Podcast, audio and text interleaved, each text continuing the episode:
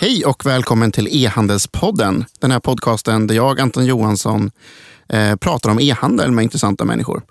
Eh, idag har, är, det, är det ett litet specialavsnitt faktiskt. Eh, där det inte kommer vara en regelrätt intervju. Utan eh, jag och en, en av de bästa gästerna innan e-handelspodden, det blir lite best of-avsnitt eh, här, eh, kommer sitta och resonera kring e-barometern och olika trender inom e-handeln. Eh, och eh, E-barometern är ju den här rapporten som eh, Postnord tillsammans med HI Research och Svensk Digital Handel ger ut. Ehm, och eh, den, den, visar helt enkelt på siffror om hur e-handeln går och de stora trenderna vilka kategorier som tar fart och inte och vad, vad kunderna faktiskt efterfrågar. Eh, och den här går att ladda ner på postnord.se e-barometern. rekommenderar jag varmt. Den är helt gratis att ladda ner. Eh, och den är väldigt matnyttig och in, informativ. Både för eh, små, stora och eh, e-handlare men även många tjänsteleverantörer. Så den, den säger väldigt mycket kloka saker. Eh, och avsnittet idag kommer vara ehm, så att säga, inte en intervju utan vi kommer att sitta och resonera kring, kring e-barometern men även andra saker. Eh, och eh, till min hjälp då så har jag Sara Wimmerkrans. Välkommen! Tack! Känns jättekul att vara här. Eh, och för alla lyssnare, nu händer det äntligen. Idag ska vi få lyssna mer på Anton. Jag tror alla som har lyssnat på någon typ av e-handelspodd vet hur spännande det känns att få lyssna lite mer på Anton. Så det känns jättekul. Eh, jag heter som sagt Sara Wimmerkrans och har varit med och grundat Footway. Eh, idag jobbar jag som investerare och har precis blivit invald i styrelsen till R&B, Retail and Brands, som bland annat äger NK, Polarna Pyret och Brothers bra där. Mm. Ehm, och eh, som, ni, eh, som jag nämnde lite där så finns ju faktiskt en, en lång intervju med dig i, i Handelspodden sen tidigare som jag rekommenderar alla att lyssna på. Tack. Ehm, från förra året. Och eh, eh, nu så ska vi dra igång lite, men innan vi drar igång så skulle jag bara vilja också tacka Aper som hjälper oss spela in den här såklart. Så stort tack till Aper för att ni klipper bort alla våra, då, våra, våra jobbiga kommentarer sen som inte är relevanta. Um, Sara, vad eh, förvånade dig mest i e-barometern? Ja, vad förvånade mig mest?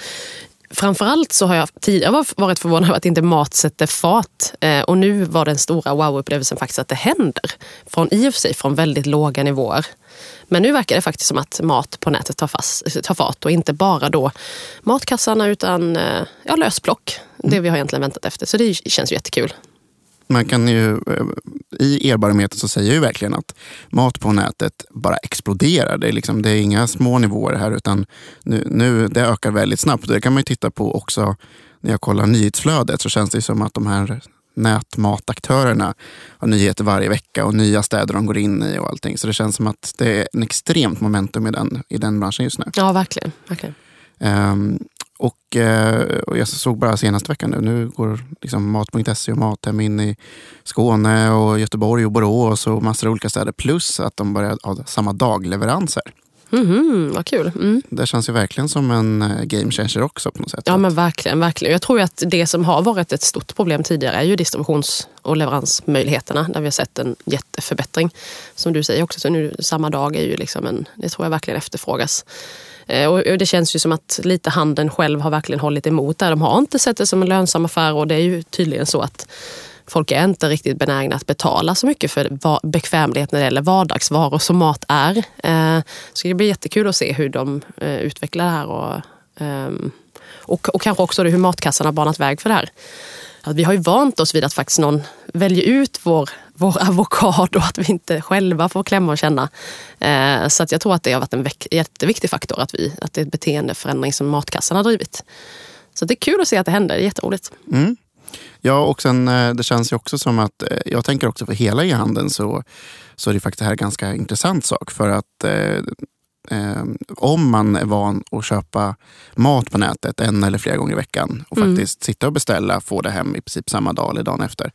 Då blir det ju helt plötsligt så här, man van vid så här, hemleverans flera gånger i veckan. Man blir mm. van mm. vid att e-handla även de mest vardagliga ting. Mm. Och det måste ju bana väg för ganska många e-handelskategorier som man kanske idag negligerar som, nej men jag orkar inte gå gå och köpa pennor online. De, de kan ju bara springa ner på Ica och köpa. Utan då blir det på något sätt, även de blir en del av, av e-handelsupplevelsen. Absolut, jag tror du har rätt. Jag, tror jag, jag hörde någon säga att i takt med att vi får det bättre så uppstår nya behov. Och det här tycker jag är en sån klassiker. Liksom att, eh, man, eh, vi har, tidsbristen gör så att vi kommer ja, se till att någon annan gör mycket, mycket mer av oss. Och mat är ju en, en liksom väldigt klassiskt vardagsexempel. Det ska bli jättekul att se vad som blir nästa grej där. Um, och, och, bara för att också, jag tänker att um, Mat kan vi prata hur länge som helst om, men, men eh, det som förvånade mig lite med, med e-handeln var ändå att den växte med 19 procent 2015. Mm. Det är ändå extremt mycket procent, även trots att det faktiskt var 2015. Det känns ju inte som att e-handeln är så att säga, helt ny längre. Nej, nej. Um, så, så jag måste säga att jag, jag blev väldigt imponerad över tillväxtsiffrorna. Mm, mm. Um, och det ska vi också, i e-barometern så är det nu också att e-handeln för första gången eh, har gått över 50 miljarder. Ja, vilket är, det är jättekul. Jättekul, fast mm. på å andra sidan, jag vet inte vad du säger, men jag trodde det var mer egentligen. Alltså jag trodde nästan... Att... Jag, jag tycker det är jätteintressant att reflektera över hur stor den hade kunnat vara. Eh, för det finns ju fortfarande bromsklossar, det finns ju fortfarande hinder för att den... Jag vet att du nämnde, vad, liksom, hur ska det bli 100 miljoner? Mm. 100 miljarder till 100 miljarder, ja precis. Hur ska det bli 100 miljoner? det var länge sedan. Eh, nej, nej men verkligen. Eh, så att jag tror ju så här, det är kul att vi är där, men vi hade kunnat vara längre och vi kommer definitivt. Det här är ju inte, det här, det här är inte, det är inte stoppet, det kommer ju verkligen eh, men, men, vad tänker du då när du säger att vi kunde varit längre? Vad är det som gjort, hade gjort att vi kunnat vara ännu längre? Vad... Nej, men jag tänker dels så tänker jag på, eh, på, som vi pratade om egentligen, leverans och distribution som, som kanske ha, hade kunnat gå fortare. Jag tror att folk har ju egentligen en förväntningar på, på både liksom valmöjlighet och, och eh, precision som kanske inte riktigt har kunnat levereras på. Um, vi behöver också um, Fortfarande är det så att fysisk handel har en del fördelar som vi inte lyckas mäta oss mot. Eh, den ena är ju size fit exempelvis. Vi ser ju att kläder exempelvis eh, fortfarande växer men i lägre omfattning än tidigare. Eh, vi har inte, får inte riktigt till storlekarna. Vi får inte riktigt till inom andra branscher det här behovet av att klämma och känna. Och där skulle vi nog kunna bli bättre på att faktiskt snappa fördelar från, från eh, fysisk retail som de fortfarande har gentemot oss. Så jag tror att det är ju en av de viktigaste knäckfrågorna. Hur ska vi faktiskt tekniskt och servicemässigt erbjuda fördelar som, som traditionell retail har? Lite så här, det, det är fortfarande lite för mycket friktion inom vissa segment egentligen att handla online gentemot offline. Ja. Man kan inte testa till exempel, det är jobbigt att skicka tillbaka, eh, man kan inte få det direkt och sådana saker. Mm, mm, precis, så att, eh, det finns väldigt stor potential men vi är inte riktigt där än. Nej. Eh, och det är väl det som jag tänker också är intressant med livsmedel och mat. Att, att där på något sätt har Nej, det, det tog inte fart förrän man började lösa många av de här problemen. Att man kunde få leverans väldigt smidigt. Det kom direkt hem till dörren. Det var ett väldigt... De har väl haft liksom tre timmars fönster men nu börjat gå ner till två eller en timmes fönster. och såna saker. Mm. Det är en mm. väldigt stor skillnad i kundupplevelse. Verkligen. För jag menar, planera tre timmar en kväll, det är ganska lång tid av en av en kväll. Så att säga. Ja, ja, visst. Planera två timmar, då börjar man komma ner till någon slags rimlighetsnivå som gör att det, liksom går, det löser ett problem för mycket, mycket större del av de som kan vara intresserade. Ja, och jag tycker så ibland så pratar vi så mycket om kundupplevelser som liksom resan, leveranserna och och sådär. Men det man ska komma ihåg att kundens upplevelse på något sätt börjar ju när vi har löst allt. När vi har sett till att, att friktionerna är så få så att de faktiskt kan ha den där festen med den fina klänningen och den maten som de har bestäm, beställt på mat.se. Mm. Där på något sätt, det är den upplevelsen vi ska leverera till och vi, vi kanske inte alltid kan göra det lika bra som traditionell retail. Um, jag tycker att det är viktigt att, och lite så att, att verkligen så här, vilket är kundens behov? Vad är kunden redo för? Varför kräver de egentligen det här? Um, vill de hämta ut eh, kläder i eh, butik för att eh, det, det känns bäst att det finns som en lösning eller är det för att de vill slippa frakten? Mm. Så man, man, man, liksom, man, man tänker, man provar mycket och man försöker men det är inte alltid säkert att man förstår varför kunden efterfrågar vissa, vissa grejer heller. Samtidigt som man ska ha respekt för om man tittar på, om man vänder på, på sidan och kollar på ja, oss e-handlare, hur vi, mm, hur vi mm, jobbar. Så att mm. säga. Jag, kan ju, jag kan ju verkligen tänka att, liksom, att plocka ihop samma matkasse till till tusen kunder är mycket lättare än att ha lösplock. Liksom, mm, mm, ja, alltså, eh, och, och det, det, gör ju också att, att eh, nu till exempel då, så, så ökar ju eh, matkassarna med 26 procent förra året, vilket i och för sig var extremt mycket. Mm, men lösblock mm, mm. ökar med 55 och det har ju med att göra att det här behovet kanske redan fanns liksom för även när matkassarna började bli populära. Mm, mm, Bara det att mm. det, det var egentligen kanske lite för utmanande som e-handlare att kunna tillgodose det då kanske. Ja men absolut, det tror jag du är rätt. Man behöver skicka ut för det första varorna varje dag istället för en gång i veckan. Också, Ja, just vilket är det. en ganska stor skillnad. Ja men det är ju en utmaning, det är kul att se att de kan leverera i större utsträckning på det. Mm. Men, men just eh, klä, kläder och skor är intressant. Det är ju, det är ju du lite erfarenhet av. Mm, men, eh, mm. Och, och sådär. men där tänker jag också att det finns en annan utmaning och det är väl också det här med eh, eh, på något sätt så här, modedelen av det. Alltså, Mm. säga att det måste vara väldigt... Det är lätt att tänka att man ska bara lösa behov men den är ju väldigt inspirationsstyrd också. Mm, mm, mm. Ehm, hur, hur, så att säga, du som ändå har liksom några, ja, koll lite på, på hur det går till. Hur mycket påverkar det här egentligen den utvecklingen? Skulle man kunna säga att kläder och skor så här, växer mycket snabbare de åren då man liksom har så här, vissa trender som blir väldigt populära och folk blir, får väldigt mycket köpkraft från det. Eller är det mer så att säga ja, vanliga säsonger och kommer vintern sent så, så är det jobbigt. Men annars är det ganska lugnt. Så att säga. Eller är det väldigt så att säga, trendstyrt? Skulle jag säga, hur tillväxten ser ut. Ehm, jag är inte säker på att jag förstår vilken som är frågan i allt det här, men jag ska bara resonera vidare utifrån allt som du har sagt. Så, eh, tror att många e-handlare är nog förvånade över hur låg eh, andel av all försäljning som är trend. Eh, det är ju någonting som handeln i och med deras begränsning i yta måste få oss att tänka. Att det här är det senaste nytt, du måste köpa det. Eh, medan man i själva verket så har ju eh, kundbehovet ser lite annorlunda ut. Det är mycket mer basic-varor som som säljs. Ehm, och då när vi, många e-handlare kan eh, erbjuda det här mycket, mycket, mycket större utbudet så blir det också mycket tydligare. Trend är absolut en viktig faktor. Trend är absolut en säljdrivare. Men en, större del, en mycket, mycket större del av försäljningen är ju så här vinterstövlar, gummi, alltså den här typen av basic. Nu pratar jag skor sådär. Eh, så att vi, vi är ju också, vi har, vi har varit och kanske har blivit också bättre på att inspirera. Eh, Ehm, och vilket är också en väldigt, väldigt viktig del i vår försäljning såklart. Ehm, men eh, vi, vi har väl kanske också slagit hål på vissa så här myter om säsong och trender som, som fysisk handel måste driva i och med att de har plats för. Om vi ska ta skoexemplet, och 600 par skor kanske i butik. Det är jätteviktigt att signalera att eh, du måste köpa det här nu. Liksom, det är det här som gäller. Ehm, så att vi har väl kanske breddat trendbegreppet lite eh, och låter kunden kanske bestämma i större grad. Samtidigt som vi såklart vill vara med och inspirera. Eh, Nu vet jag inte om jag jackade in i din fråga. Men, men det där är riktigt- jätteintressant för då, det, det tyder ju på, det du säger egentligen är ju det att, att eh, det kanske är den fysiska handeln som har underskattat basvarorna egentligen. Ja, alltså de, här, de har nog inte underskattat basvarorna. De har inte haft plats för dem.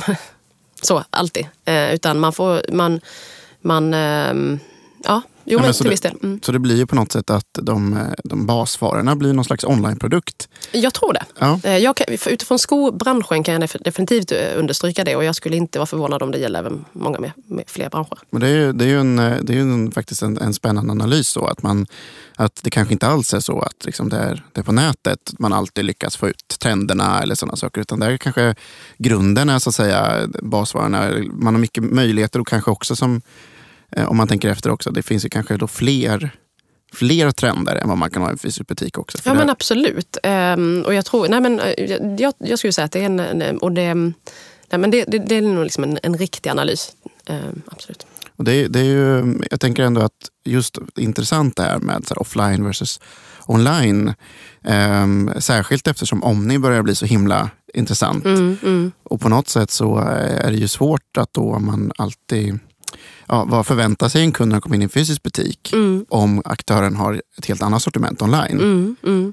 Så att säga, har man alltid de här basplaggen, eh, någon, alltid vita skjortor till exempel, Mm, mm. eh, online som alltid går att få tag på. Och så kommer man in i fysisk butiken och så finns de bara så någon, någon månad per år i fysisk butik. Mm. Det blir ju ett kundlöfte som bryts lite grann. Mm, mm. Alltså egentligen så skulle jag se det från två sidor. Det ena är ju att vi får inte... Det är klart att många e-handlare jobbar ju på, med det som en unik selling point, att utbudet är så brett. Eh, att man mitt i vintern kan köpa sommarkläder för att man ska åka utomlands och sådär. Det är ju någonting som vi aldrig kommer kunna... Många aktörer kommer aldrig kunna erbjuda det i en offline-version. Å andra sidan så tycker jag att det skulle vara en väldigt bra start om off, eller online-butiker faktiskt börjar ha eh, online allt som de har butik. Tänk exempel, du ska så här, på en bal. Det händer inte så jätteofta och du vill verkligen köpa en rätt typ av eh, skjorta eller eh, och sådär. Och så tänker du, ja, men okej, eh, jag kollar på nätet om den här butiken har det först innan jag går dit. Och så finns den inte på nätet, då kommer du inte ens gå dit. Så vår generation, eller nu säger jag vår generation, men den yngre generationen, millennials och de som kommer därefter, kommer jättehög eh, utsträckning, tror jag, inte gå till butik utan att ha gjort, gjort research innan. Så att det är så utifrån två sidor. Ja, vi måste kunna här, ha usparna kvar för e-handel, det som ändå är det breda utbudet, men vi måste också se till att liksom, den traditionella handeln också är mycket bättre på att visa upp vad som faktiskt finns i sortimentet. För det är ju liksom jättesällan det stämmer överens åt andra hållet också. Och det där är ju jätteintressant att säger för att i, i e-barometern så mm. är det precis det där du säger. Man är så himla mm. rädd i fysiska handeln för att all försäljning ska gå online. så att säga. Mm. Men, men i e-barometern så, så, visar de svart på vitt att det är mycket vanligare att man, de kallar det webrooming i e-barometern. Ja, visst, att visst. man, så här, man kollar online för att handla offline. Och mm, det är mm, liksom mm, eh, 31 procent som gör det i, på något sätt mm, enligt mm, e-barometern. Medan att kolla offline och sen köpa online, det är bara 17 procent. Mm, mm. um, så det, det, visar ju på att, så här, att det här att man går runt i en butik och sen går hem och, och faktiskt köper hem dem online. Och så här, det, är, det här beteendet är inte alls lika vanligt som att kolla upp någonting mm, online och, det, och sen gå offline. Nej, verkligen. Och jag tror att e-handlare tycker det är ganska så roligt att höra för vi har ju alltid fått väldigt mycket skit. Vi är de onda i det här som kommer och förstör för fina gamla hederliga butiker som har levererat i så många år. När det faktiskt i själva verket är så att vi genererar försäljning till nätet. Och om vi tittar, så nu pratar man väldigt mycket om Omni men det här är ju kundbeteendet. Beteendet har ju funnits där hur länge som helst. Nu är det bara det att samma varumärke vill stå för hela displayen. Tidigare har vi sett att, att man tittar på nätet i en butik men kollar en annan fysisk, ett, annat, ett annat fysiskt varumärke i, i liksom fysisk handel. Nu försöker ju de ha hela den resan. Men det, jag är liksom, det, det här visar ju någonstans att e-handel faktiskt har genererat extra försäljning även till, mm till on, um, offline-butikerna. Liksom. Um. Och det är ju såklart inte bara på, på liksom produktnivå utan jag tänker en av de mest underskattade sidorna på omnikanalaktörer på deras sajter är ju så här öppettider, hitta till butik, ja, se en karta. Ja. Um, och jag, jag, jag förundras hela tiden när man så googlar eh, ett butiksnamn plus en stad. Mm, mm, och så har de inte ens SEOat upp den, den söktermen. Man hittar någon sån här öppettider.nu istället för liksom, officiella sajter. Någon annan tar ansvar för öppettiderna. Liksom. Det, känns, det känns ju extremt konstigt. Att, ja, men då har man inte en URL för varje stad liksom, eller varje butik. Utan då, får, då är det någon slags karta man ska leta reda på. Ja, men, ja, men jag vill ju kunna googla på det på något sätt. Precis. Nej, men jag tycker det här är verkligen någonting vi bör stanna lite på. Eh, folks ut, alltså, utökade, eller ständigt ökande behov av att kolla upp saker innan de köper dem. Eh, vi pratar ju nu om att vi liksom 30 gör det innan och då är det ett genomsnitt. Eh, vissa branscher har en så 90 90 träff på den. Ju, ju, mer komplicerad produkten är, tekniskt komplicerad eller ju högre premiumfaktor, att det faktiskt är en väldigt dyr produkt, i mycket högre utsträckning tittar folk eh, på, på, nätet eller digitalt innan de genomför det fysiska köpet. Och här eh, tror jag det är 30 procent runt där. Eh, som är webroomar just för att Ja, precis som webroomar, ett snyggt ord. Men i USA så är den redan i genomsnittet ligger på 60 procent. Så man kan ju, det är ju liksom väldigt tydligt att den kommer fortsätta. Så att antingen så får ju, ja men, ja, det är en väldigt spännande ut, utveckling. Och den är ju också tvådelad. För det ena är ju att man så att säga ska kolla upp en produkt om man faktiskt vill ha den först. Mm, det är mm. den ena, att man googlar runt, man kollar prisin för mm, sajter, betyg liksom. och sådär. Men den andra är ju rent praktisk. Såhär, finns den än som jag går dit? Ja, ja visst, visst. Man orkar inte ens gå till, ja, men såhär, om jag ska handla byxor på Sara och så vet mm, jag, men de där vill jag ha.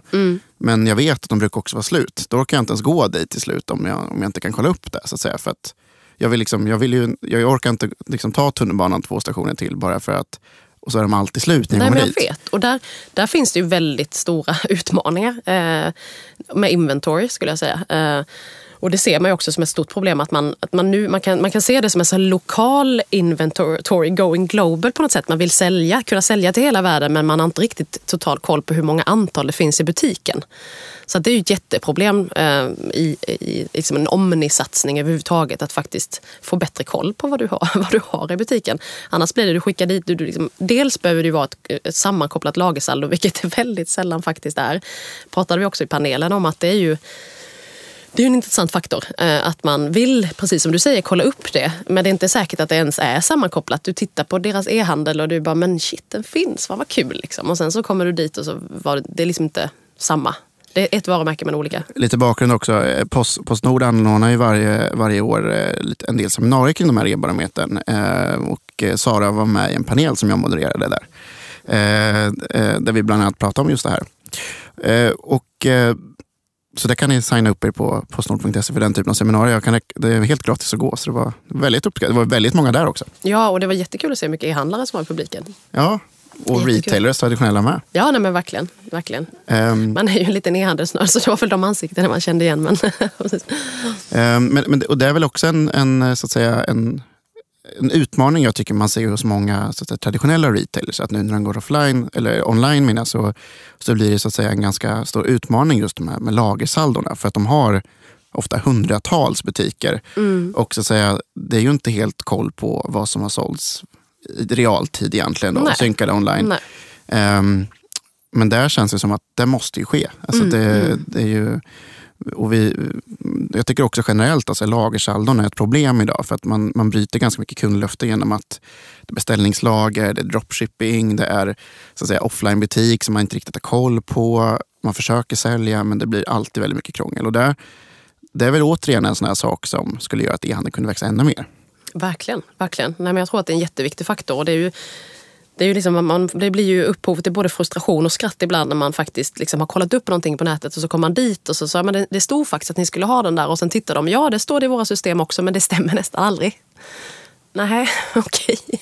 Så att det är lite så här, det, det, finns ju en bit kvar så kan man väl säga. Ehm, Ja, exakt. Det finns men eh, men eh, samtidigt så är det ju också en, en, utmaning självklart att det är ganska mycket olika system och det är olika ganska gamla system man ofta har som affärssystem och logistiksystem och lagersystem. Och, och jag menar på något sätt, så jag pratade när jag hade Kristoffer Tyfors här i podden så, så pratar mycket om det. Men man, en, en vanlig fysisk butik, man har ju, det är ju inte riktigt lagerhyllor det går liksom inte riktigt att säga det är på den hyllan exakt där. Och det, utan det blir en annan typ av utmaning eftersom en lagerhylla på ett e-handelslager den, de, den är väldigt strukturerad och man mm, kan ha väldigt mm, bra koll på. Mm, mm, medan eh, en, så att säga, en butikshylla, det är inte alls riktigt samma typ av eh, den kan flyttas på, det händer någon tar i den, någon har testat den. Någon har, så att säga, det, det, blir en, det blir en helt annan typ av komplexitet egentligen. Mm, mm. Ja men verkligen. verkligen.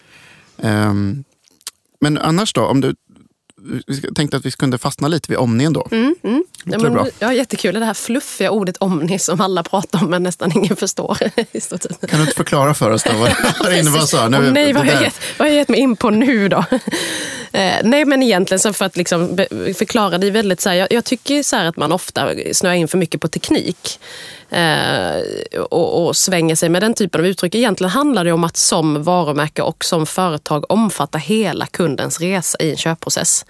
Alltså från det att de börjar göra research till de bär eh, skorna eller äter maten. Ehm, och eh, tidigare har det ju liksom varit mycket mer fragmenterat. Och, eh, och det är så kul för vi pratar väldigt mycket, många har ju sina omnisatsningar och så vidare. Men egentligen så är det som att skryta över någon typ av bil utan att alla motorns delar är på plats. Jag vet egentligen ingen som har total Omni eh, faktiskt idag.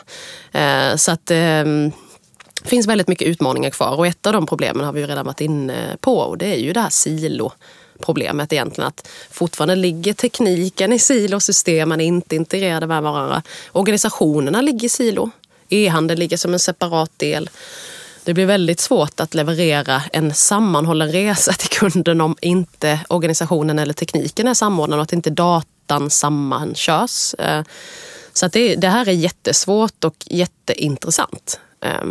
Och jag, och jag tycker att den är väldigt eh, det är också väldigt svårt för att å, an, å ena sidan så det, vill man att det ska vara väldigt sömlöst och mm, kunden mm. ska känna att det spelar ingen roll om jag tar upp en mobil eller, eller, om jag är inne i butik eller om jag träffar dem på stan eller vad det nu kan vara med, den här, med det här mm, varumärket. Mm, mm. Samtidigt som man, eh, man vill verkligen utnyttja varje kanals optimala liksom, delar också. Så här, ja, men, går man in på byggmax.se då vill man ju att de ska ha ett så stort sortiment där som möjligt. Som mm, kan. Mm. Medan går man in i en, i en fysisk butik så vill man att de ska vara så servicevänliga och hjälpa en med ens, ens råd och liksom vara väldigt mm, mm, på andra typer av tillmötesgående. Men det gör ju att det också blir två helt olika upplevelser. Men och, och där, där tror jag liksom hela skon klämmer. För man pratar mycket om en sammanhållen upplevelse, men jag tror man blandar ihop det.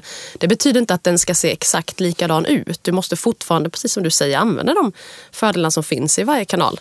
Eh, för den typen av förväntningar har ju kunden och där tror jag väldigt många går fel. De tror att en samman... att ha en, liksom en kundupplevelse som är lik och speglas i varje, varje, varje fas innebär att du ska liksom få en e-handelskänsla när du kommer till butiken. Fast det du mest av allt vill är att få prata med en människa. Eh, så att jag, jag tror, jag, det är samma krav på upplevelse, samma krav på, på, på service fast inte att den ska se exakt likadan ut. Och jag tror att det, till exempel så har man ju sett, jag bara tänker, man står liksom och man ska prova en bh i, i, en, i ett provrum. Man har inte någonsin sett en person, person när man kommer dit. Man står där och så säger okej okay, det här passade ju inte. Man, man förstår att man måste ta på sig alla kläderna för att kunna byta. Men där framför dig så är det en padda som du ska så leta om det finns något saldo och så vidare.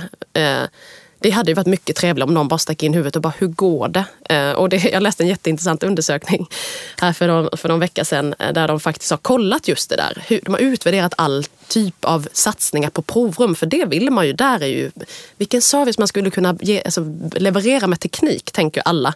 Man provar olika gadgets och det ligger paddor och massvis med olika grejer. Och så har de gjort en, en, en undersökning på vad, vad som faktiskt genererar mer försäljning och högre kundnöjdhet. Och det de kom fram till var att mer personal och bättre ljus. Och kanske lite, inte lika, lite lika trångt. Nej, inte precis. Ja, men det fanns säkert andra delar på den långa listan. Men jag tycker att det är väldigt talande för hur vi mm. snubblar över oss själva när vi ska leverera en bättre kundupplevelse. Ibland handlar det faktiskt bara om en som frågar hur går det en människa.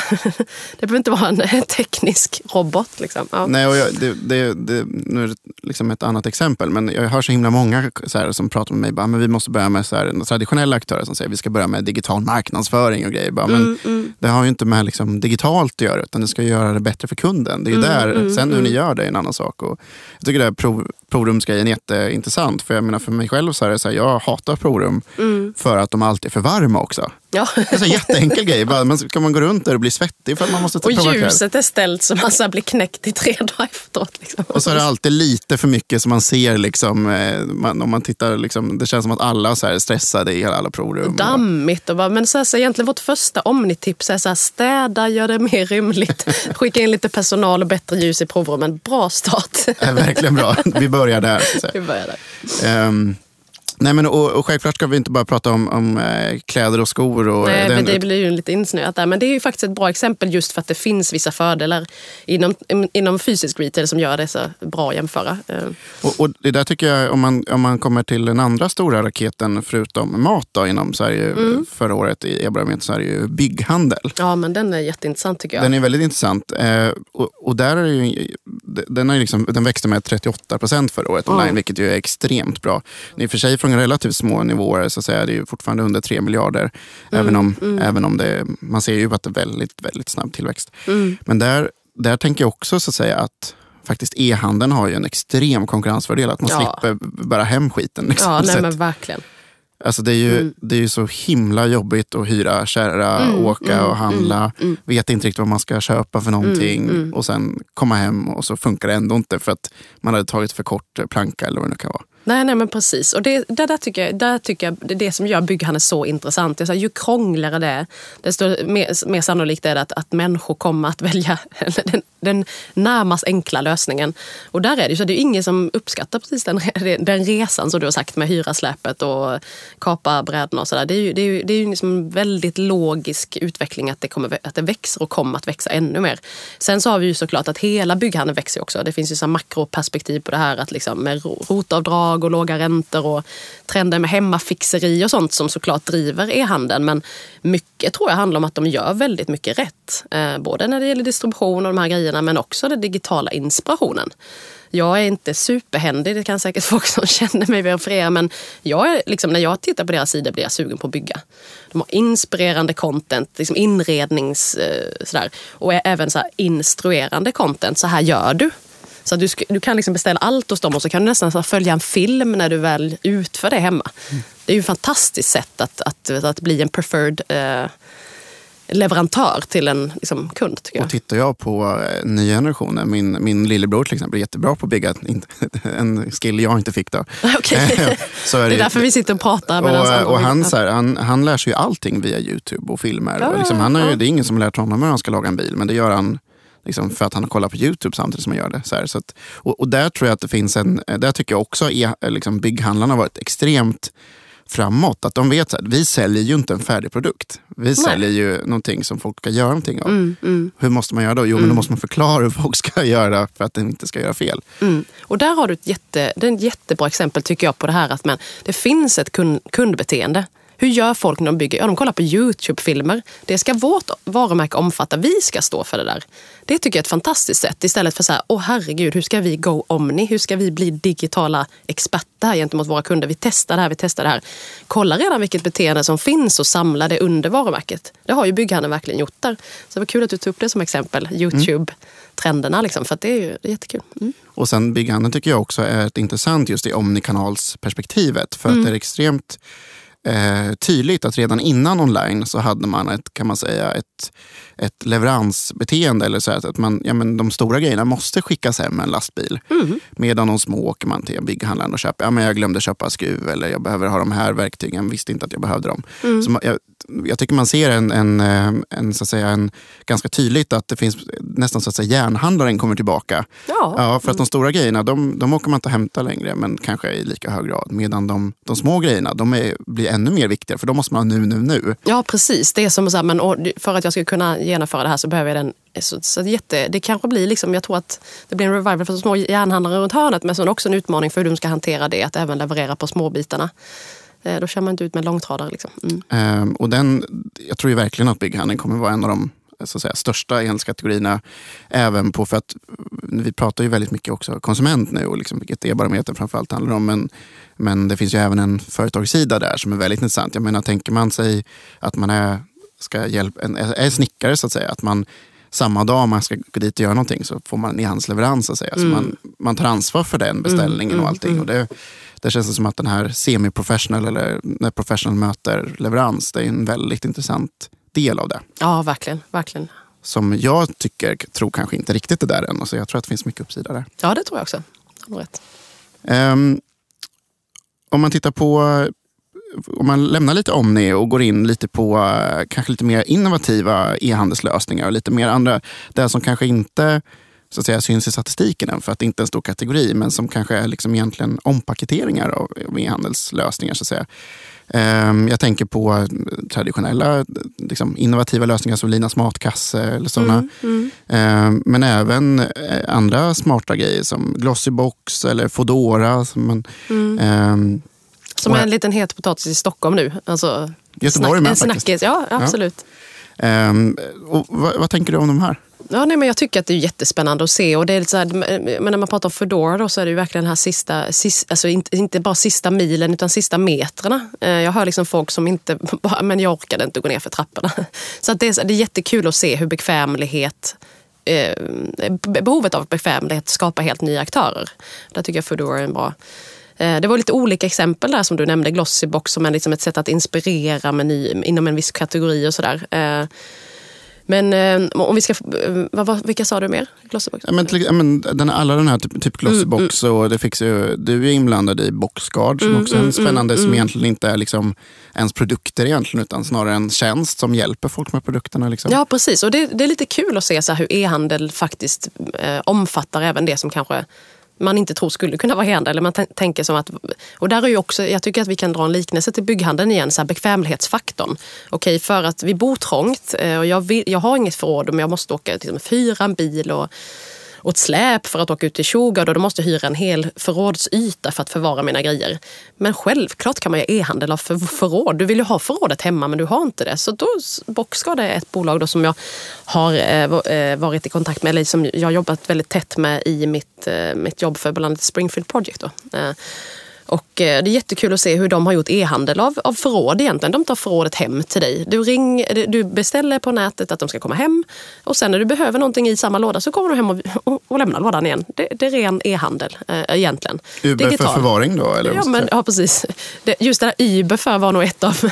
Jag såg väldigt många, vi tittade på lite pitchar förra året kan man säga, några hundra och det var ju väldigt så här, vi är det nya Uber för. Så det tror jag är väldigt många som är det nya Uber för allt möjligt och, och det är ju också för att det finns ett behov där, bekvämligheten och alternativen. Liksom. Så jättekul.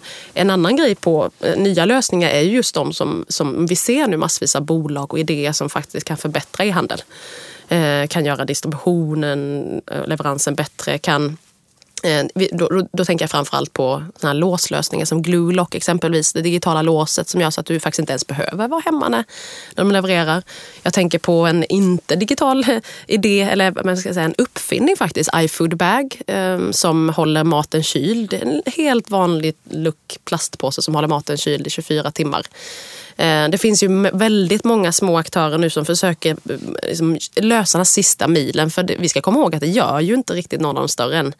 Det är cykelbud, det är koppla ihop befintliga system, det är och, och, vilket vi också ser skapar en, en ny arbetsmarknad som, som, diskuteras väldigt mycket nu. Eh, så, att, så att på något sätt så här, eh, det, det, är många som, kommer, som håller på att underlätta för e-handel men sen också ska bli kul vilka som verkligen blir en grej. Det är inte alltid så att e-handlarna välkomnar alternativ. Eh, vilket jag, eh, men så är det, men, men jag tycker ändå det är intressant är att det är, det, är liksom, det är väldigt tydligt att det har blivit någon slags... Jag, jag har ofta kritiserat e-handeln för att vara ganska traditionell. Mm, mm. Man bara lägger upp produkten till försäljning, man säljer mm, dem, man skickar mm. dem till kunden och så är man mm, ganska mm. nöjd där och försöker man bara växa det. Jag, jag har ju liksom verkligen historiskt sett försökt att så här, ja, men försök hitta innovativa, vad kan ni göra så att bli, lösa ett ännu större problem för kunden? Vad är mm, egentligen, mm. Det är kanske inte produkten som är det stora här utan att det levereras eller vart eller vilken, att man inte vet vad det är som Testagram eller Glossybox och sådär. Eller, mm. um, och, eller som HelloFresh eller Ninas där man faktiskt får liksom ett deras grej är egentligen att leverera varor utan att man, att man levererar bekvämlighet. Jag behöver inte bry mig vad jag ska äta för de har bestämt åt mig.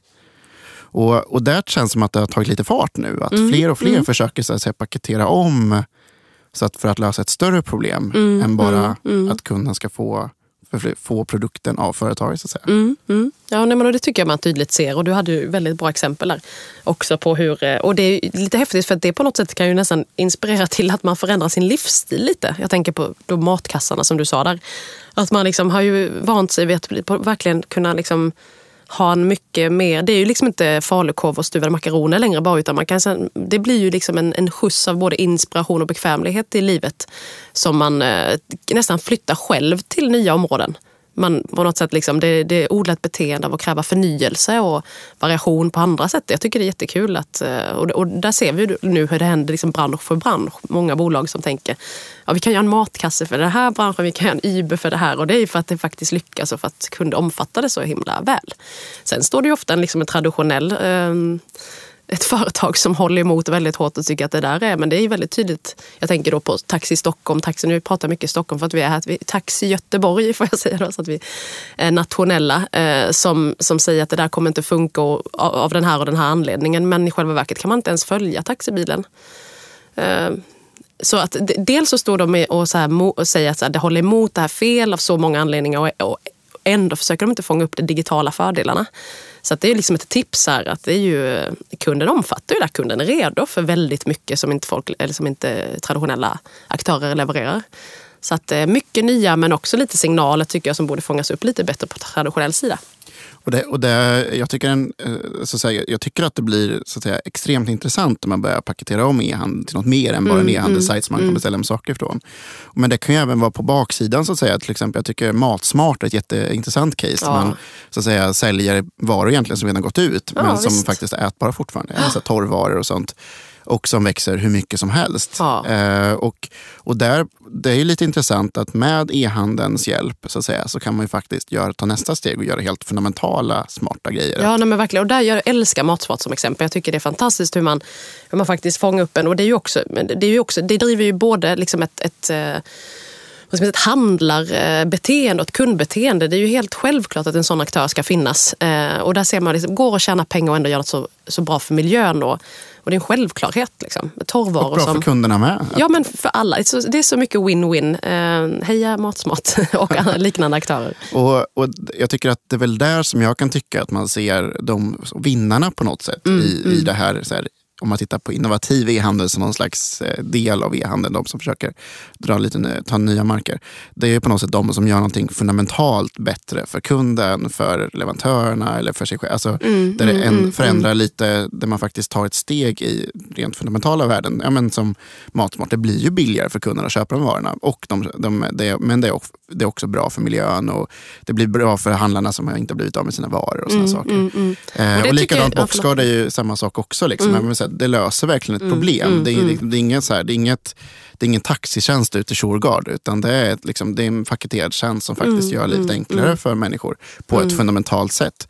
Eh, medan det inte så att säga en ja, beställ Uber för någonting som inte är relevant att det är Uber Nej, och det är så kul för att digitala blir precis som vi pratade om, så här, väldigt mycket tekniska termer. Men det det gör är att förbättra för en kund. Och ofta är de här företagen, det är ju, det är ju problem som de fångar upp själva, eh, grundarna. Ja, men det här är för jobbigt. Folk tycker att det här är för jobbigt, här borde någon göra någonting. Det är, nästan, det är en digital lösning som nästan alltid har ett, sitt ursprung i ett, i ett mänskligt problem.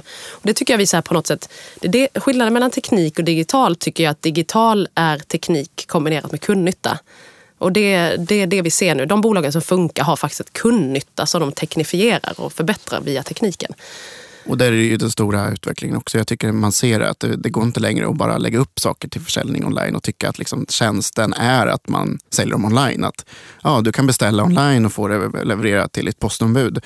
Det är så att säga inte längre en, ett kundvärde som är tillräckligt mycket tillräckligt intressant längre. Utan det är de andra värdena som att ja, jag kan få det paketinslaget också. Eller man kan, som gör att man löser faktiskt ett, ett riktigt problem. Sen, sen kan det ju vara såklart finnas, eh, det är fortfarande värt, det finns jättemånga engelare som kommer bara sälja vanliga produkter och göra det jättebra också. Men på något sätt eh, så, så om man, om man tänker de som verkligen lyckas är ju de som skapar ett äkta kundvärde. att det går snabbt, att det är smidigt, är bekvämt. Inte bara att folk kan få tag på varan. Nej men precis, och kundvärdet är ju, precis som du säger, det är ju, inte, det är ju produkten i kombination med att man får den så fort och så bra som möjligt. Liksom. Inte, eller, fort ska vi ta ner, det ser vi ju tydligt här i, i om man följer e-barometern över många olika år så är ju faktiskt snabbhet en faktor som har som har minskat, inte, inte i popular- popularitet men eh, som har lite så här, det viktigaste nu verkar väl vara, man tycker att precision är viktigare än snabbhet ser man väl tydligt om man tittar över flera år. Mm, absolut. Och, och det är väl en, en typisk sån sak som e-barometern alltid säger men som man aldrig hör sen på alla andra seminarier i, när man går på som e-handelsperson. Så att säga, på, det är ju det här att precision är ju Liksom, kunden vill veta. Mm, det är egentligen kanske inte att det går så mycket snabbare men det enda sättet som e-handlare kanske så att säga, presenterar en fraktalternativ eller sådär, är ju egentligen hur snabbt det kommer. En till två dagar. Man säger aldrig så att säga, det kommer till det här ombudet då ungefär, det kommer få sms. De här sakerna som skapar trygghet hos kunden blir egentligen bara snabbheten. Och det är klart att man triggas av det då. men, men det finns ju många fler värden som man kanske inte har tänkt på i kundnyttan där. Nej, nej, men verkligen. Precis som du säger, man vill veta och man vill också kunna välja. För ibland har man bråttom, ibland har man inte alls det. Eh, Det är ju eh, väldigt individuellt. Mm. Ehm, och där är väl en sak som vi pratar ganska mycket om i våra panel. Och så där, att det handlar ju om kommunikation i många grader när det kommer till e-handel. Eh, och där är väl en stor, tycker jag i alla fall, eh, utveckling att en av de stora grejerna med e-handeln är att man faktiskt kan ge kunden mer information. Mm. Det är, så att säga, det är ju inte bara att man kan ha mycket större sortiment när man är e-handlare. Man kan ju faktiskt berätta mycket mer också. Mm, mm. Och vilket också tycker jag att man ser väldigt tydligt som ett sätt att faktiskt minska returgraden. Om man ska jämföra med förr i tiden. Att, att eh, det har ju blivit mycket, alltså det har blivit mycket mer sofistikerat innan ett köp. Med information och sätt att förstå vad det är för produkt som man ska... Jag tror att det är ett led att minska returerna ofta. Eh, Som man ser det. Mm. I E-barometern så är ju, den, den visar ju någon slags typ av eh, makroperspektiv på, men också detaljperspektiv på e-handelns utveckling. Eh, men det finns ju andra makroperspektiv som påverkar e-handeln. Som, som, eh, jag tänkte bara vi kunde kort prata liksom om, till exempel så är ju för svenska e-handeln Norge en extremt viktig marknad. Mm, mm. Det är ju det är ingen eh, liksom, hemlighet att de flesta e-handlarna kollar på den marknaden kanske först efter Mm, Sverige. Eh, och där har det varit ganska mycket problem. Mm. skulle du säga att, att eh, skulle du vara oroad om du satt och, i, som vd på ett e-handelsbolag som är på väg in i Norge eller som har gått in i Norge? Är det, så att säga, är det, på, är det på riktigt ett problem? Det är på alltså, Om man ska gå utifrån vad folk har för erfarenhet, eller e-handlarna har för erfarenhet nu så har de märkt en skillnad eh, en tydlig skillnad eh, i, eh, i liksom minskad köpkraft men också ökad returgrad. Norge har ju länge varit en, en liten gåta om man tittar i returstatistiken. Att de liksom är inte, på något sätt så, jag vet, de returnerar inte i lika hög grad som de andra länderna i, i Europa. Eh, och det kanske har att göra med på något sätt liksom, hur, hur, hur, väl man har det. Eh, för att det tydligen har både försäljningen minskat och returgraden gått upp. Eh, om man ska lyssna på, det här är ingen liksom, skriftlig statistik som jag tagit del av. Så jag tror att det märks, det är väldigt svårt att förstå liksom, än i vilken omfattning. Eh, plus att det är, ju så här, det är klart att det är jätte, jätte, någonstans så har vi ju fått ett jätte liksom, försprång i valutafördelarna också på något sätt. Eh, och det ska bli eh, ja, intressant att se hur det eh, kan det eventuellt bana väg för nya norska e-handlare eller har vi en position som är tillräckligt stark för att det ska, vi ska kunna behålla den? Ja, precis. Det är inte riktigt lika attraktivt att handla handlar från Sverige längre när, när, när valutan är samma som svenska kronor. Egentligen. Men, men eh, jag tycker också att Norge känns som en... Jag tror att det kommer vara bra nu för svenska e-handlare att känna på att, så här, att det är inte så att Norge är någon slags här, guldgruva som alltid kommer, kommer handla mer och de, de eh, aldrig kommer returnera någonting. Utan att det är faktiskt en marknad precis som Sverige och den är ganska lik Sverige egentligen. Mm, och deras mm, beteende mm. kommer säkert bli som Sveriges mm. långsiktigt. Mm. Även om det såklart är att eh, lite bättre e-handelsland på det. Att det kanske inte riktigt lika bra. Ja, det, det är, ett, eh, det är så att säga lite för mindre städer och lite mindre kanske fysisk retail där. Som man kan komma åt om man mm. bor i Ja, det är spritt så ja, precis. Ja. En annan anledning till att e-handlare har alltid gillat Norge är ju att det, är ganska lätt att rulla ut samma strategier som i Sverige. De är, det är liksom ganska lika. Eh, så vi får se nu om, om det så skrämmer eh, satsningar. Vi får se. Mm. Eh, en annan eh, sak som, som jag är lite orolig för, det, det finns ju några olika så här, orosmoln på makrofronten, om man får prata lite mm, oro också. Mm, mm. Eh, det är dels Brexit, mm. att Storbritannien lämnar EU. Det är ju en mm. rejäl chans för det. Mm. Det finns ju att till exempel Donald Trump blir USAs president och oj, oj, oj. förstör handelsavtal och sådana saker. Och sätter stopp Trump, eller Ja, exakt. Ehm, och så har vi såklart lite problem med Kina också, där kinesiska ekonomin har lite ja, svårigheter för att vara Kina och börsen är, har problem och valutan håller på hoppar upp och ner. Och, ja, det är... Det ett orosmoln syns här i studion. Ja. mm. um, hur skulle du säga om man bara tänker så här. Jag, jag, tycker att, jag tror att anledningen till att det här är relevant för svensk e-handel är att just Kina, USA och Storbritannien och Norge, mm. som vi nu pratar om, är så ovanligt relevant för just e-handeln. Mm, många mm. köper in från Kina. Mm. Eh, mycket av produkterna tillverkas i Kina. Mm. Det är liksom USA också en viktig eh, köpa in från och mycket varumärken och sådana saker. Och Storbritannien är också en väldigt viktig marknad för, för många. Både som så handelspartner men även för att det är kanske den, ja, det stora engelskspråkiga Europa. Så mm, mm. det är mycket lättare att gå dit och sådär. Um, så jag, jag, tror att det påverkar svenska Jag tror absolut att du har rätt. Jag tror att det är en bra makroanalys att just nämna de regionerna som du har nämnt. Eh, om vi ska börja med Kina då så är det ju tydligt att leverantörerna faktiskt ökar sina priser. Och det är väldigt svårt för e-handlare att följa det. För konsumenten är eh, en priskänslig eh, och, så att det, det, blir minskade marginaler och det tror jag att, att vi kommer märka av. Um, Storbritannien som sådan, om man tittar då på, återgår till e-barometer och den statistiken som står, står där som jag tycker var slående är ju att ja, eh, jag tror att Storbritannien alltid ses som väldigt attraktivt. Man tittar liksom snabbt så här bara hur, eh, hur många människor bor det i varje land och då, eh, utan att göra en närmare analys så ser alltid Tyskland och Storbritannien väldigt attraktivt ut. Men vi ska också komma ihåg att det är väldigt många e svenska e-handlare som har misslyckats i Storbritannien. Det är inte jättelätt att rulla ut lyckosamma satsningar där. Det är det ena. Den det andra sidan är ju hur, i vilken stor utsträckning som vi faktiskt köper från engelska och engelska, eller brittiska bolag. Om man tittar då på e-barometern så är det så att varannan dansk exempelvis handlat från Storbritannien under 2015. Så att jag tror liksom så att man, när man pratar om Brexit så sitter man liksom och darrar. Så här, men jag tror att det, det, det finns någon viss eh, anledning till darr och oro för eh, brittiska e-handlare. Eh, eller väldigt stor Ja, och, och, det, är ju, och det ser man ju, men bara Amazon till exempel. Mm, De flesta mm. i Sverige som handlar därifrån, vilket faktiskt är ganska många, Mm. handlar ju från brittiska sajter i hög grad och såna saker. Precis. Eh, plus att det är, ett, det är också en, så att säga, en ehm, ja, re- relativt nära till hands också för att relativt många faktiskt åker, åker dit väldigt ofta. Och det, är Mm, liksom, det är en mm. av Sveriges vanligaste destinationer som svenskar. Och, så vi har en väldigt mycket relation till brittisk retail skulle jag säga. Mm. Plus att de har ju varit en för... Jag tycker verkligen på många... Det finns många exempel på att de har varit ett föregångsland också när man tittar på, på e-handel och Omni. Att många av dem, de, eh, både liksom leveranssätt och så att man, man, man märker att den liksom brittiska kunden har varit krävande på ett annat sätt vilket har drivit en förändring som vi faktiskt kanske ligger lite efter. Eh, nu pratar vi väldigt mycket om brittisk e-handel sådär, men, men, men absolut, så det ska bli jättespännande att se vad som händer. Jag, ja, eh, Samtidigt som jag ska bara kort här, jag tror ju att Storbritannien kommer inte sluta ha så här, eh, ha handelsavtal med resten Nej, av Europa. nej, nej, utan nej, nej. Just den grejen kommer vara det sista de tar Mm. bort tror jag.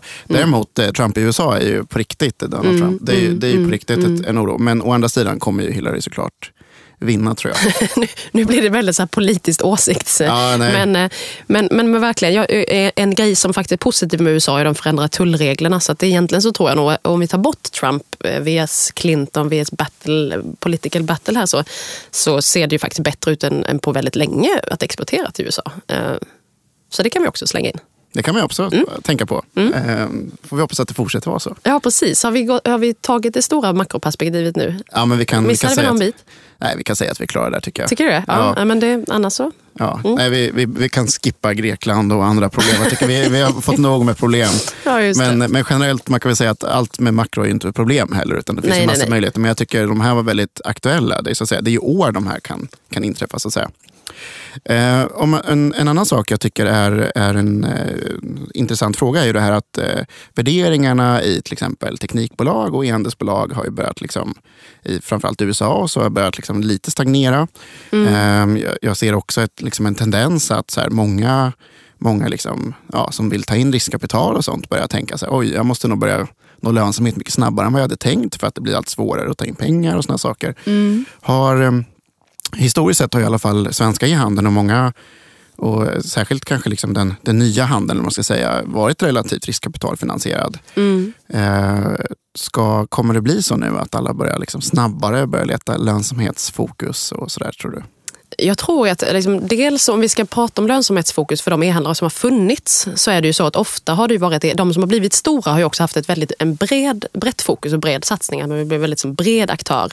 Och då har man ju fått förklara att det här är en volymsatsning. Vi behöver tillväxt innan vi, vi börjar liksom bli lönsamma. Eh, och det har ju liksom varit många skeptiker mot det där men jag tror nog att de flesta skeptiker faktiskt har, har tystnat lite för att de flesta av de här med stora satsningar, inklusive då Footway, har ju faktiskt prövat modellerna tillräckligt mycket för att säga så att det här är en lönsam modell. Eh, och det är ju, men, men i takt om att vi ser väldigt många fler aktörer satsa på lite nischade områden och så, så kommer det liksom av naturliga skäl eh, vara en annan liksom, möjlighet till utväxling och också därför ett, ett ökat behov av att visa lönsamhet väldigt tidigt. Eh, det ses ju inte heller också som det här caset som kan bli det här mång... Utan, så det, det är nog av förklarliga skäl så att eh, eh, ja, det är, nog, det är nog det som jag tänker kring det. Nej, men jag tänker att det är lite, inte en finanskris, men alltså det är lite så här en, en eh, Alltså jag tänker ändå att många bolag som, som satsar väldigt hårt börjar ändå bli tvungna att realisera att så här, oj, det går inte bara att leva på andras pengar i fem år längre, utan det kanske bara går i tre år.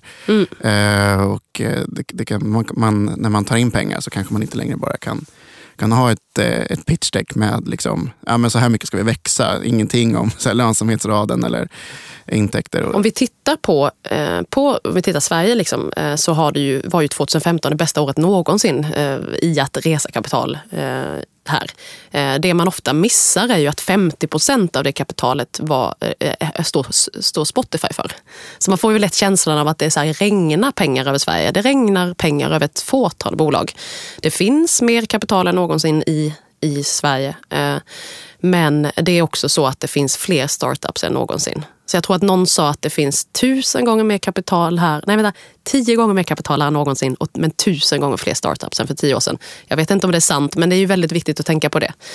Eh, så att visst är det rätt. Jag tror att många så här känner av att, att, liksom att och det har man jobbat väldigt mycket på det här med traction på något sätt.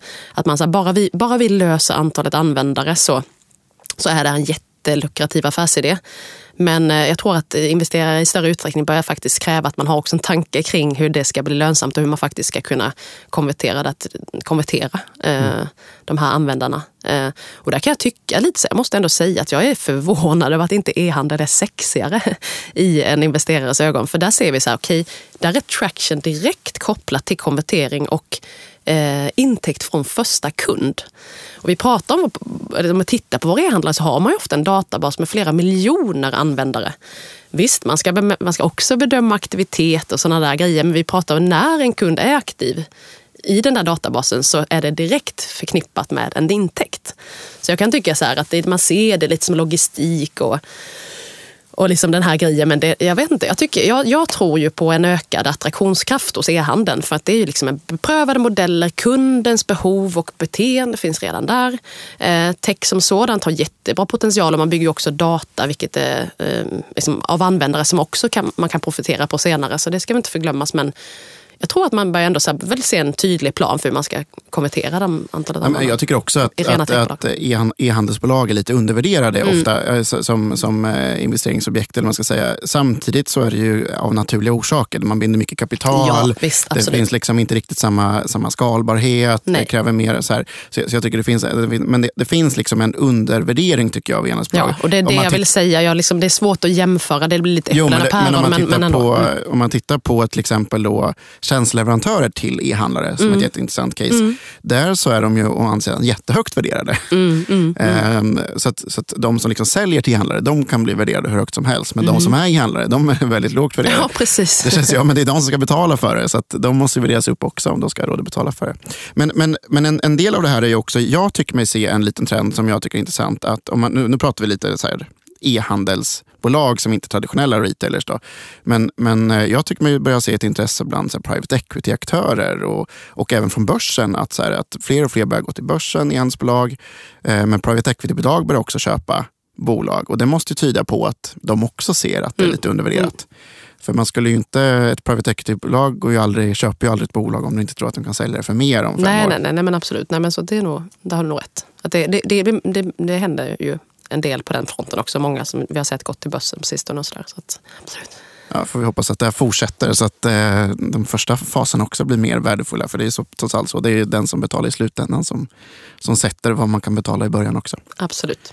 Eh, en, eh, om vi ska gå vidare då lite. Hur, eh, eh, jag tänker ändå så här, du och jag har ju ändå jobbat liksom 5-10 år minst liksom, med e-handel i olika former. Mm, mm. Vad är de största skillnaderna tycker du sen, eh, sen dess? Nu, om man tittar på liksom, vad, vad är det egentligen som hänt de senaste så här, tio åren? Vad är de stora penseldragen som har hänt? Ja, framförallt så är det ju så att vi, eh, e-handel började ju, liksom, utifrån kundens perspektiv så var det ju ett sätt att, att liksom, hitta bäst pris.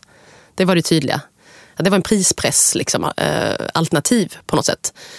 Eh, medan man nu ser att det är liksom helt andra faktorer som, som spelar roll, som vi har varit inne på flera gånger här. Eh, bekvämlighet och, och de här grejerna som vi levererar på. Så det är ju en väldigt tydlig skillnad på, bara tio år skulle jag säga.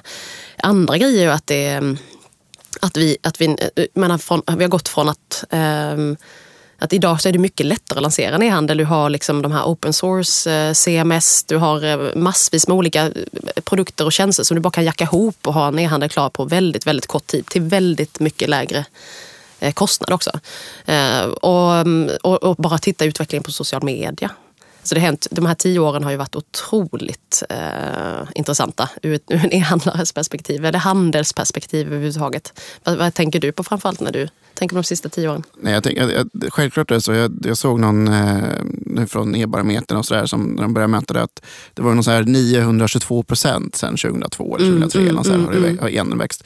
Så självklart det stora intressanta är väl egentligen att så här, beteendet hos ja, svenskars oh ja, ja. köpvaror har, mm. har ändrats. Och det går ju och, ja, det är väldigt intressant så att säga, mm, hur snabbt mm, det har ändrats. Mm. Alltså Men, både beteendet och kraven. Ja, vilket är, är jätte... Men på något sätt så, så om man inte har börjat handla så kommer man inte komma med kraven Nej, heller. Precis, väldigt logiskt. Ja. Um, men, men jag tycker också den, den, den andra saken, och det har, det har dels med tjänsteleverantören att göra som gör att man kan, man behöver inte bygga allting själv. Men jag tycker framförallt att om man tittar på, på både konsumenterna och så här, handelsaktörerna har blivit mer sofistikerade. Mm.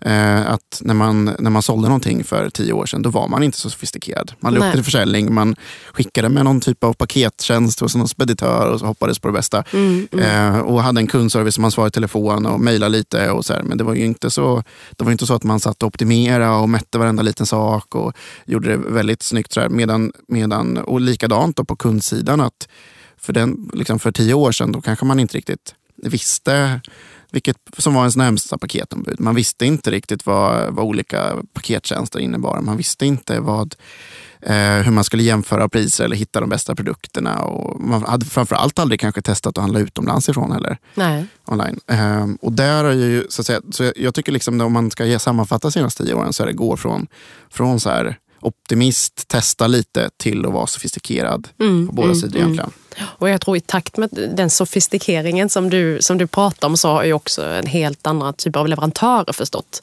de digitala möjligheterna.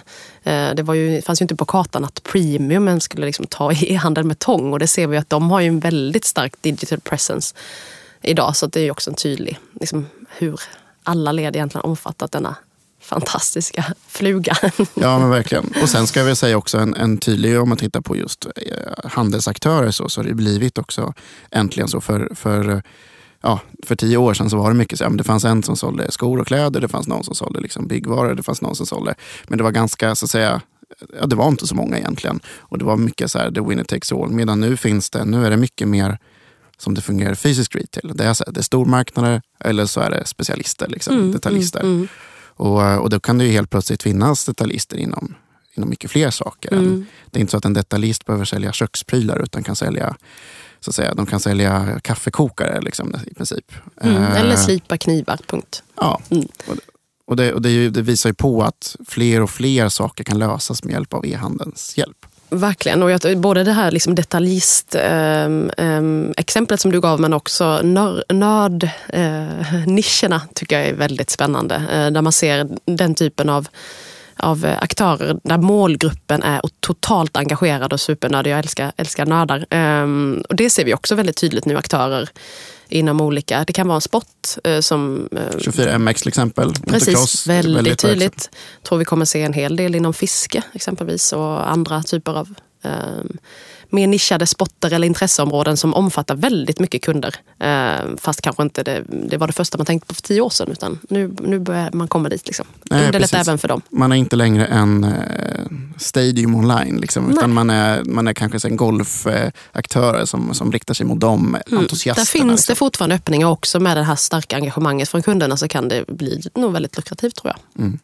Men, men om vi bara kommer tillbaka till det här med tjänsteleverantörer och sådana som ja, säljer tjänster till e-handlare. Mm. Jag tycker verkligen att det är jätteintressant. För nu kan man ju verkligen med extremt snabbt egentligen få i princip samma tjänster som de allra bästa. För mm, att det mm, finns mm. massa jätteduktiga liksom, leverantörer som har jackat in i de bästa plattformarna. Mm. Så man med liksom, väldigt små medel kan komma igång och ha eh, ganska sofistikerad verksamhet snabbt. Verkligen. Vilka tänker du framförallt på? när du... Eh, nej, men jag tänker allt ifrån liksom använda så här översättningstjänster mm. eh, till att använda liksom returhanteringstjänster till att ha så här eh, rekommendationsmotorer som visar rekommenderade artiklar eh, till att ha så här färdiga kopplingar mot bokföringssystem, affärssystem och prisoptimeringssystem och såna saker. Mm. Eh, det känns ju som att det har gjort att mycket, mycket mer handlar om att sälja till kunden, inte om att lösa de tekniska problemen. Ja, och det, det, det är helt, eh, helt riktigt och det kan, det, jag blir lite glad när jag hör det där. På något sätt så det är det allt tyder på. Att dels inte bara att det finns väldigt mycket bra idéer utan att också e-handlarna faktiskt använder sin tid för att göra det absolut viktigaste och det är ju att lära känna kunden och leverera till den. Och, och där är väl, eh, jag tycker väl generellt så att där finns ju också en intressant öppningar så att säga, för de här. Alltså det finns ju fortfarande många tjänster som, som man så elande kanske sitter och tragglar med. Mm. Men som faktiskt någon teknisk lösning till exempel mm, mm, skulle kunna mm. hjälpa till med. Mm. Och Jag tror att många nog har eh, ställt sig frågan både en och två gånger, vad är core? Ehm, och det är kanske färre grejer än tidigare men eh, hos de allra, allra flesta så är det ju faktiskt kund man kommer på allt som är kopplat till det. Att äga hela kundrelationen eh, i så stor mån som möjligt. Så du skulle säga att om du skulle rekommendera en, en ny handlare, då, så här, de skulle kanske lägga mindre tid på att bygga sin plattform eller så än vad de skulle göra på att ha kundservice väldigt bra från dag ett och såna saker? Eller vad, vad, Nej, men jag tror så här, lite så här, prioritera utifrån kunden. Så här, vad, vad, på vilket sätt underlättar detta för kunden? Det är lätt att ha, liksom en, det kan man sätta betyg på. Eh, och sen så dels så prioriterar man den typen av åtgärder. Eh, och sen också, precis som du sa, där, att ha, lägga händerna mer på det som, som faktiskt i slutändan eh, ja, jag tror att, ja, bra analys. Jag hade inte behövt säga det bättre än vad du redan sa. Det hade bara kunnat bekräfta. Eh, helt riktigt. En, eh, vi, börjar, vi, vi, måste börja avsluta här, men jag tänker mm. en, en avslutande fråga lite grann sådär är ju det med kompetens också. Mm, mm. Jag kan ju uppleva att, eh, åtminstone inom den fysiska, alltså den traditionella fysiska retailen, att, att många av de aktörerna har liksom svårt att här, verkligen ta till sig den kompetensen. Mycket för att det inte är så många som kan så att säga, det är väldigt få som kan Omni, men det är mm, ganska mm. få som kan e-handel också. Mm. Skulle du säga att det här är ett problem idag? Att det är så himla svårt att hitta duktiga människor som redan kan det här? Måste man, måste man lära upp varenda människa? Man... ja, bra fråga. Men jag läste alldeles nyligen att fortfarande så är det så att av våra börsstyrelser så har åtta av tio ingen digital kompetens. Det, det där är ju verkligen ett problem. För hur ska man kunna ställa rätt frågor till ledningen om man inte sitter på den kompetensen? Och hur ska man kunna ge ledningen eh, gehör för viktiga investeringar som måste göras för att det ska gå att konkurrera med de som redan har kläm på det där. Eh, och ofta så sitter, jag menar det är ju, ja precis, så att jag tror att att det är inte lätt att hitta den kompetensen, eh, men framförallt så måste man börja leta och det är, nog, det är inte så att ens alla har förstått det. Eh, det viktiga, eller det absolut bästa, det, jag tycker så digital, digitalt är ju default. Det är ju där kunden befinner sig. Och det är för kunden inte så stor grej. Så det måste ju bli precis på samma sätt i styrelser. Att egentligen borde alla sitta på den kompetensen och så länge de inte gör det så måste minst en ha det perspektivet. Mm. Eh, och det, jag tror att vi har sett en utveckling. för några år sedan så tyckte man nog det var viktigt. Vi måste in med någon typ av IT-kompetens. Profilerna som man i större utsträckning söker nu än en sån som, som dig kanske Anton. Att man har ett väldigt digitalt djupt fokus och, och, och kunskap men i kombination med en förståelse för kunden. Man är den där bryggan. Det är den nya digitala profilen som behövs i en styrelse som kan brygga över. Jag tror också att man ska, eller jag ser tydligt att man letar efter den personen som kan avdramatisera det och förklara och säga den här dagen datan ska vara tillvara på av den här anledningen och så här ska vi göra. Att liksom så här, um, jag, jag, tror det där är väldigt viktigt. Jag, jag, både du och jag, du sitter ju i R&B och sådär, styrelser. Mm, och, sitter, mm. och jag, jag, sitter också i några styrelser och jag får några förfrågningar sådär ibland. Och då, det är ofta där de efterfrågar. Liksom, nej men, vi behöver ha någon som kan sitta i styrelsen och förstå siffrorna som så rapporteras mm, upp. Mm, mm, För de, mm. de, andra vet inte vad konverteringsgrad innebär online. Nej. eller vad. Eh, även komplexare grejer, så här, omsättningshastighet i lager och såna saker. Och det, det blir extremt relevant att man liksom även högst upp kan ha någon som kravställer ner. Mm, så här, men mm, varför ser de där så där ut? Varför är det så där? Sen så tror jag att styrelsen är ju så att säga det där kanske du och jag nu så pratar om, men det är lika relevant i ledning och i organisation. Det är väldigt lätt att man sätter en e-handelschef och så får de lösa det där. Mm, mm. Nej, men integrerad kompetens i ledningen, det är ju, det, det är ju, det är ju en superviktig grej. Och, och finns det så, så blir det ju också mycket lättare att, att ha en styrelseroll som en styrelseroll där, inte liksom, där, där, där, man vill att det ska vara på en övergripande nivå där man eh, liksom ställer rätt fråga, precis som jag sa, och så där, snarare än att man behöver gå ner och grotta med, med sina egna fingrar. Liksom. Så att jag, jag tror ju, som jag, det känns som de flesta har förstått behovet på ledningsgruppsnivå. Eh, det känns som det händer väldigt mycket på styrelsenivå. Eh, men som det ser ut så, så behövs det ju fortfarande väldigt mycket. Bara att en styrelse hör av sig till dig Anton är ju, tyder ju på en öppenhet från det företaget. Eh, men de flesta har fortfarande tillsatt den än. Så Nej, att, eh, och, och de flesta ring till oss så vi har många bra tips på bra personer. Exakt. Nej, men och de flesta faktiskt eh, säger ju det att det är, liksom, det, det är inte jättelätt att hitta folk heller. Alltså, Nej, det, är ju, och det är ju även till ledningen. Jag får ju mejl varenda vecka. Vet du någon som kan? Och det är liksom, då blir det också det. Då börjar man med att hitta en specialist istället för att ja, men jag tror ju liksom det, det, kan inte vara så att digitalt är en specialistroll i ledning eller i styrelse långsiktigt eller liksom organisation. Utan det ska ju vara en integrerad del av till exempel en marknadsavdelning eller en logistikavdelning. Eller, det handlar ju liksom om att allt ska ju vara digitalt. Med, eller med en digital touch i alla fall. Liksom, mm, så att säga. Mm, mm, mm. För det handlar ju om både liksom, optimering och eh, kund Ja men verkligen. Och, men om man inte tänker på det nu så ska vi se när det, den här generation Z kom upp som är en generation som inte ens knappt förstår att det finns en verklig värld om man ska tyda den här första statistiken som läcker ut nu, som tillbringar stora delar av sin, sin dygn. Och det ser vi också jättekul tycker jag i barometern. Vi pratar om så wow-upplevelser, det behöver inte alltid vara de stora siffrorna. Man kan tycka att en 7% är väldigt intressant ibland och den vill jag lyfta upp så här, för att vi ser ju tydligt att i åldersspannet 18 till 29, kvinnor mellan 18 till 29, där är det 7% som handlar på nätet varje vecka. Det här är en generation att verkligen räkna med digitalt. För de, det beteendet är redan där. De är liksom, det, här, det ska bli jättespännande att se. Och då pratar vi ändå millennials eh, till viss del. Och generation Z kommer att liksom ha växt upp med en, med en smartphone i handen. Eh, så att eh, det är dags att... ja, men det är bara något, några år kvar så är liksom millennials, alltså de som är födda 2000 och framåt, kommer börja liksom att handla online och bli anställda och ha löner. Och ja, Millennials har ju redan det, men då, eller hur? Det är väl från 80 va? Ja, jag tror till och med att jag ja. räknas. Fantastic. jag tänker efter millennieskiftet. Ja, efter, ja, efter ja, millennieskiftet. Alltså det, det är faktiskt, ja, de har redan börjat sommarjobba. Liksom. Ja, de, eh, de har cash. De har cash och det kommer ju såklart påverka ganska mycket. Det kommer, och dessutom är det jättestora barnkullar också som börjar komma upp nu. Precis, du ser, nu kommer makroperspektivet i demografiska anledningar, digitala demografiska anledningar att, eh, att steppa upp. Step up your game on Snapchat ja, precis. helt enkelt. Men som sagt, redan liksom att, att eh, ställa frågan är en väldigt bra öppenhet. Eh, det kanske borde ha gjorts tidigare men det är inte för sent. Vi, eh, vi, det finns mycket kvar att göra. Nej, och fastna inte vid en teknikdiskussion utan det handlar om kunder. Precis, hur kan vi förbättra för kunden med hjälp av digitalt bland annat? Hur förbättrar vi kundresan? Där är digital en viktig bit men det finns också andra delar att tänka på.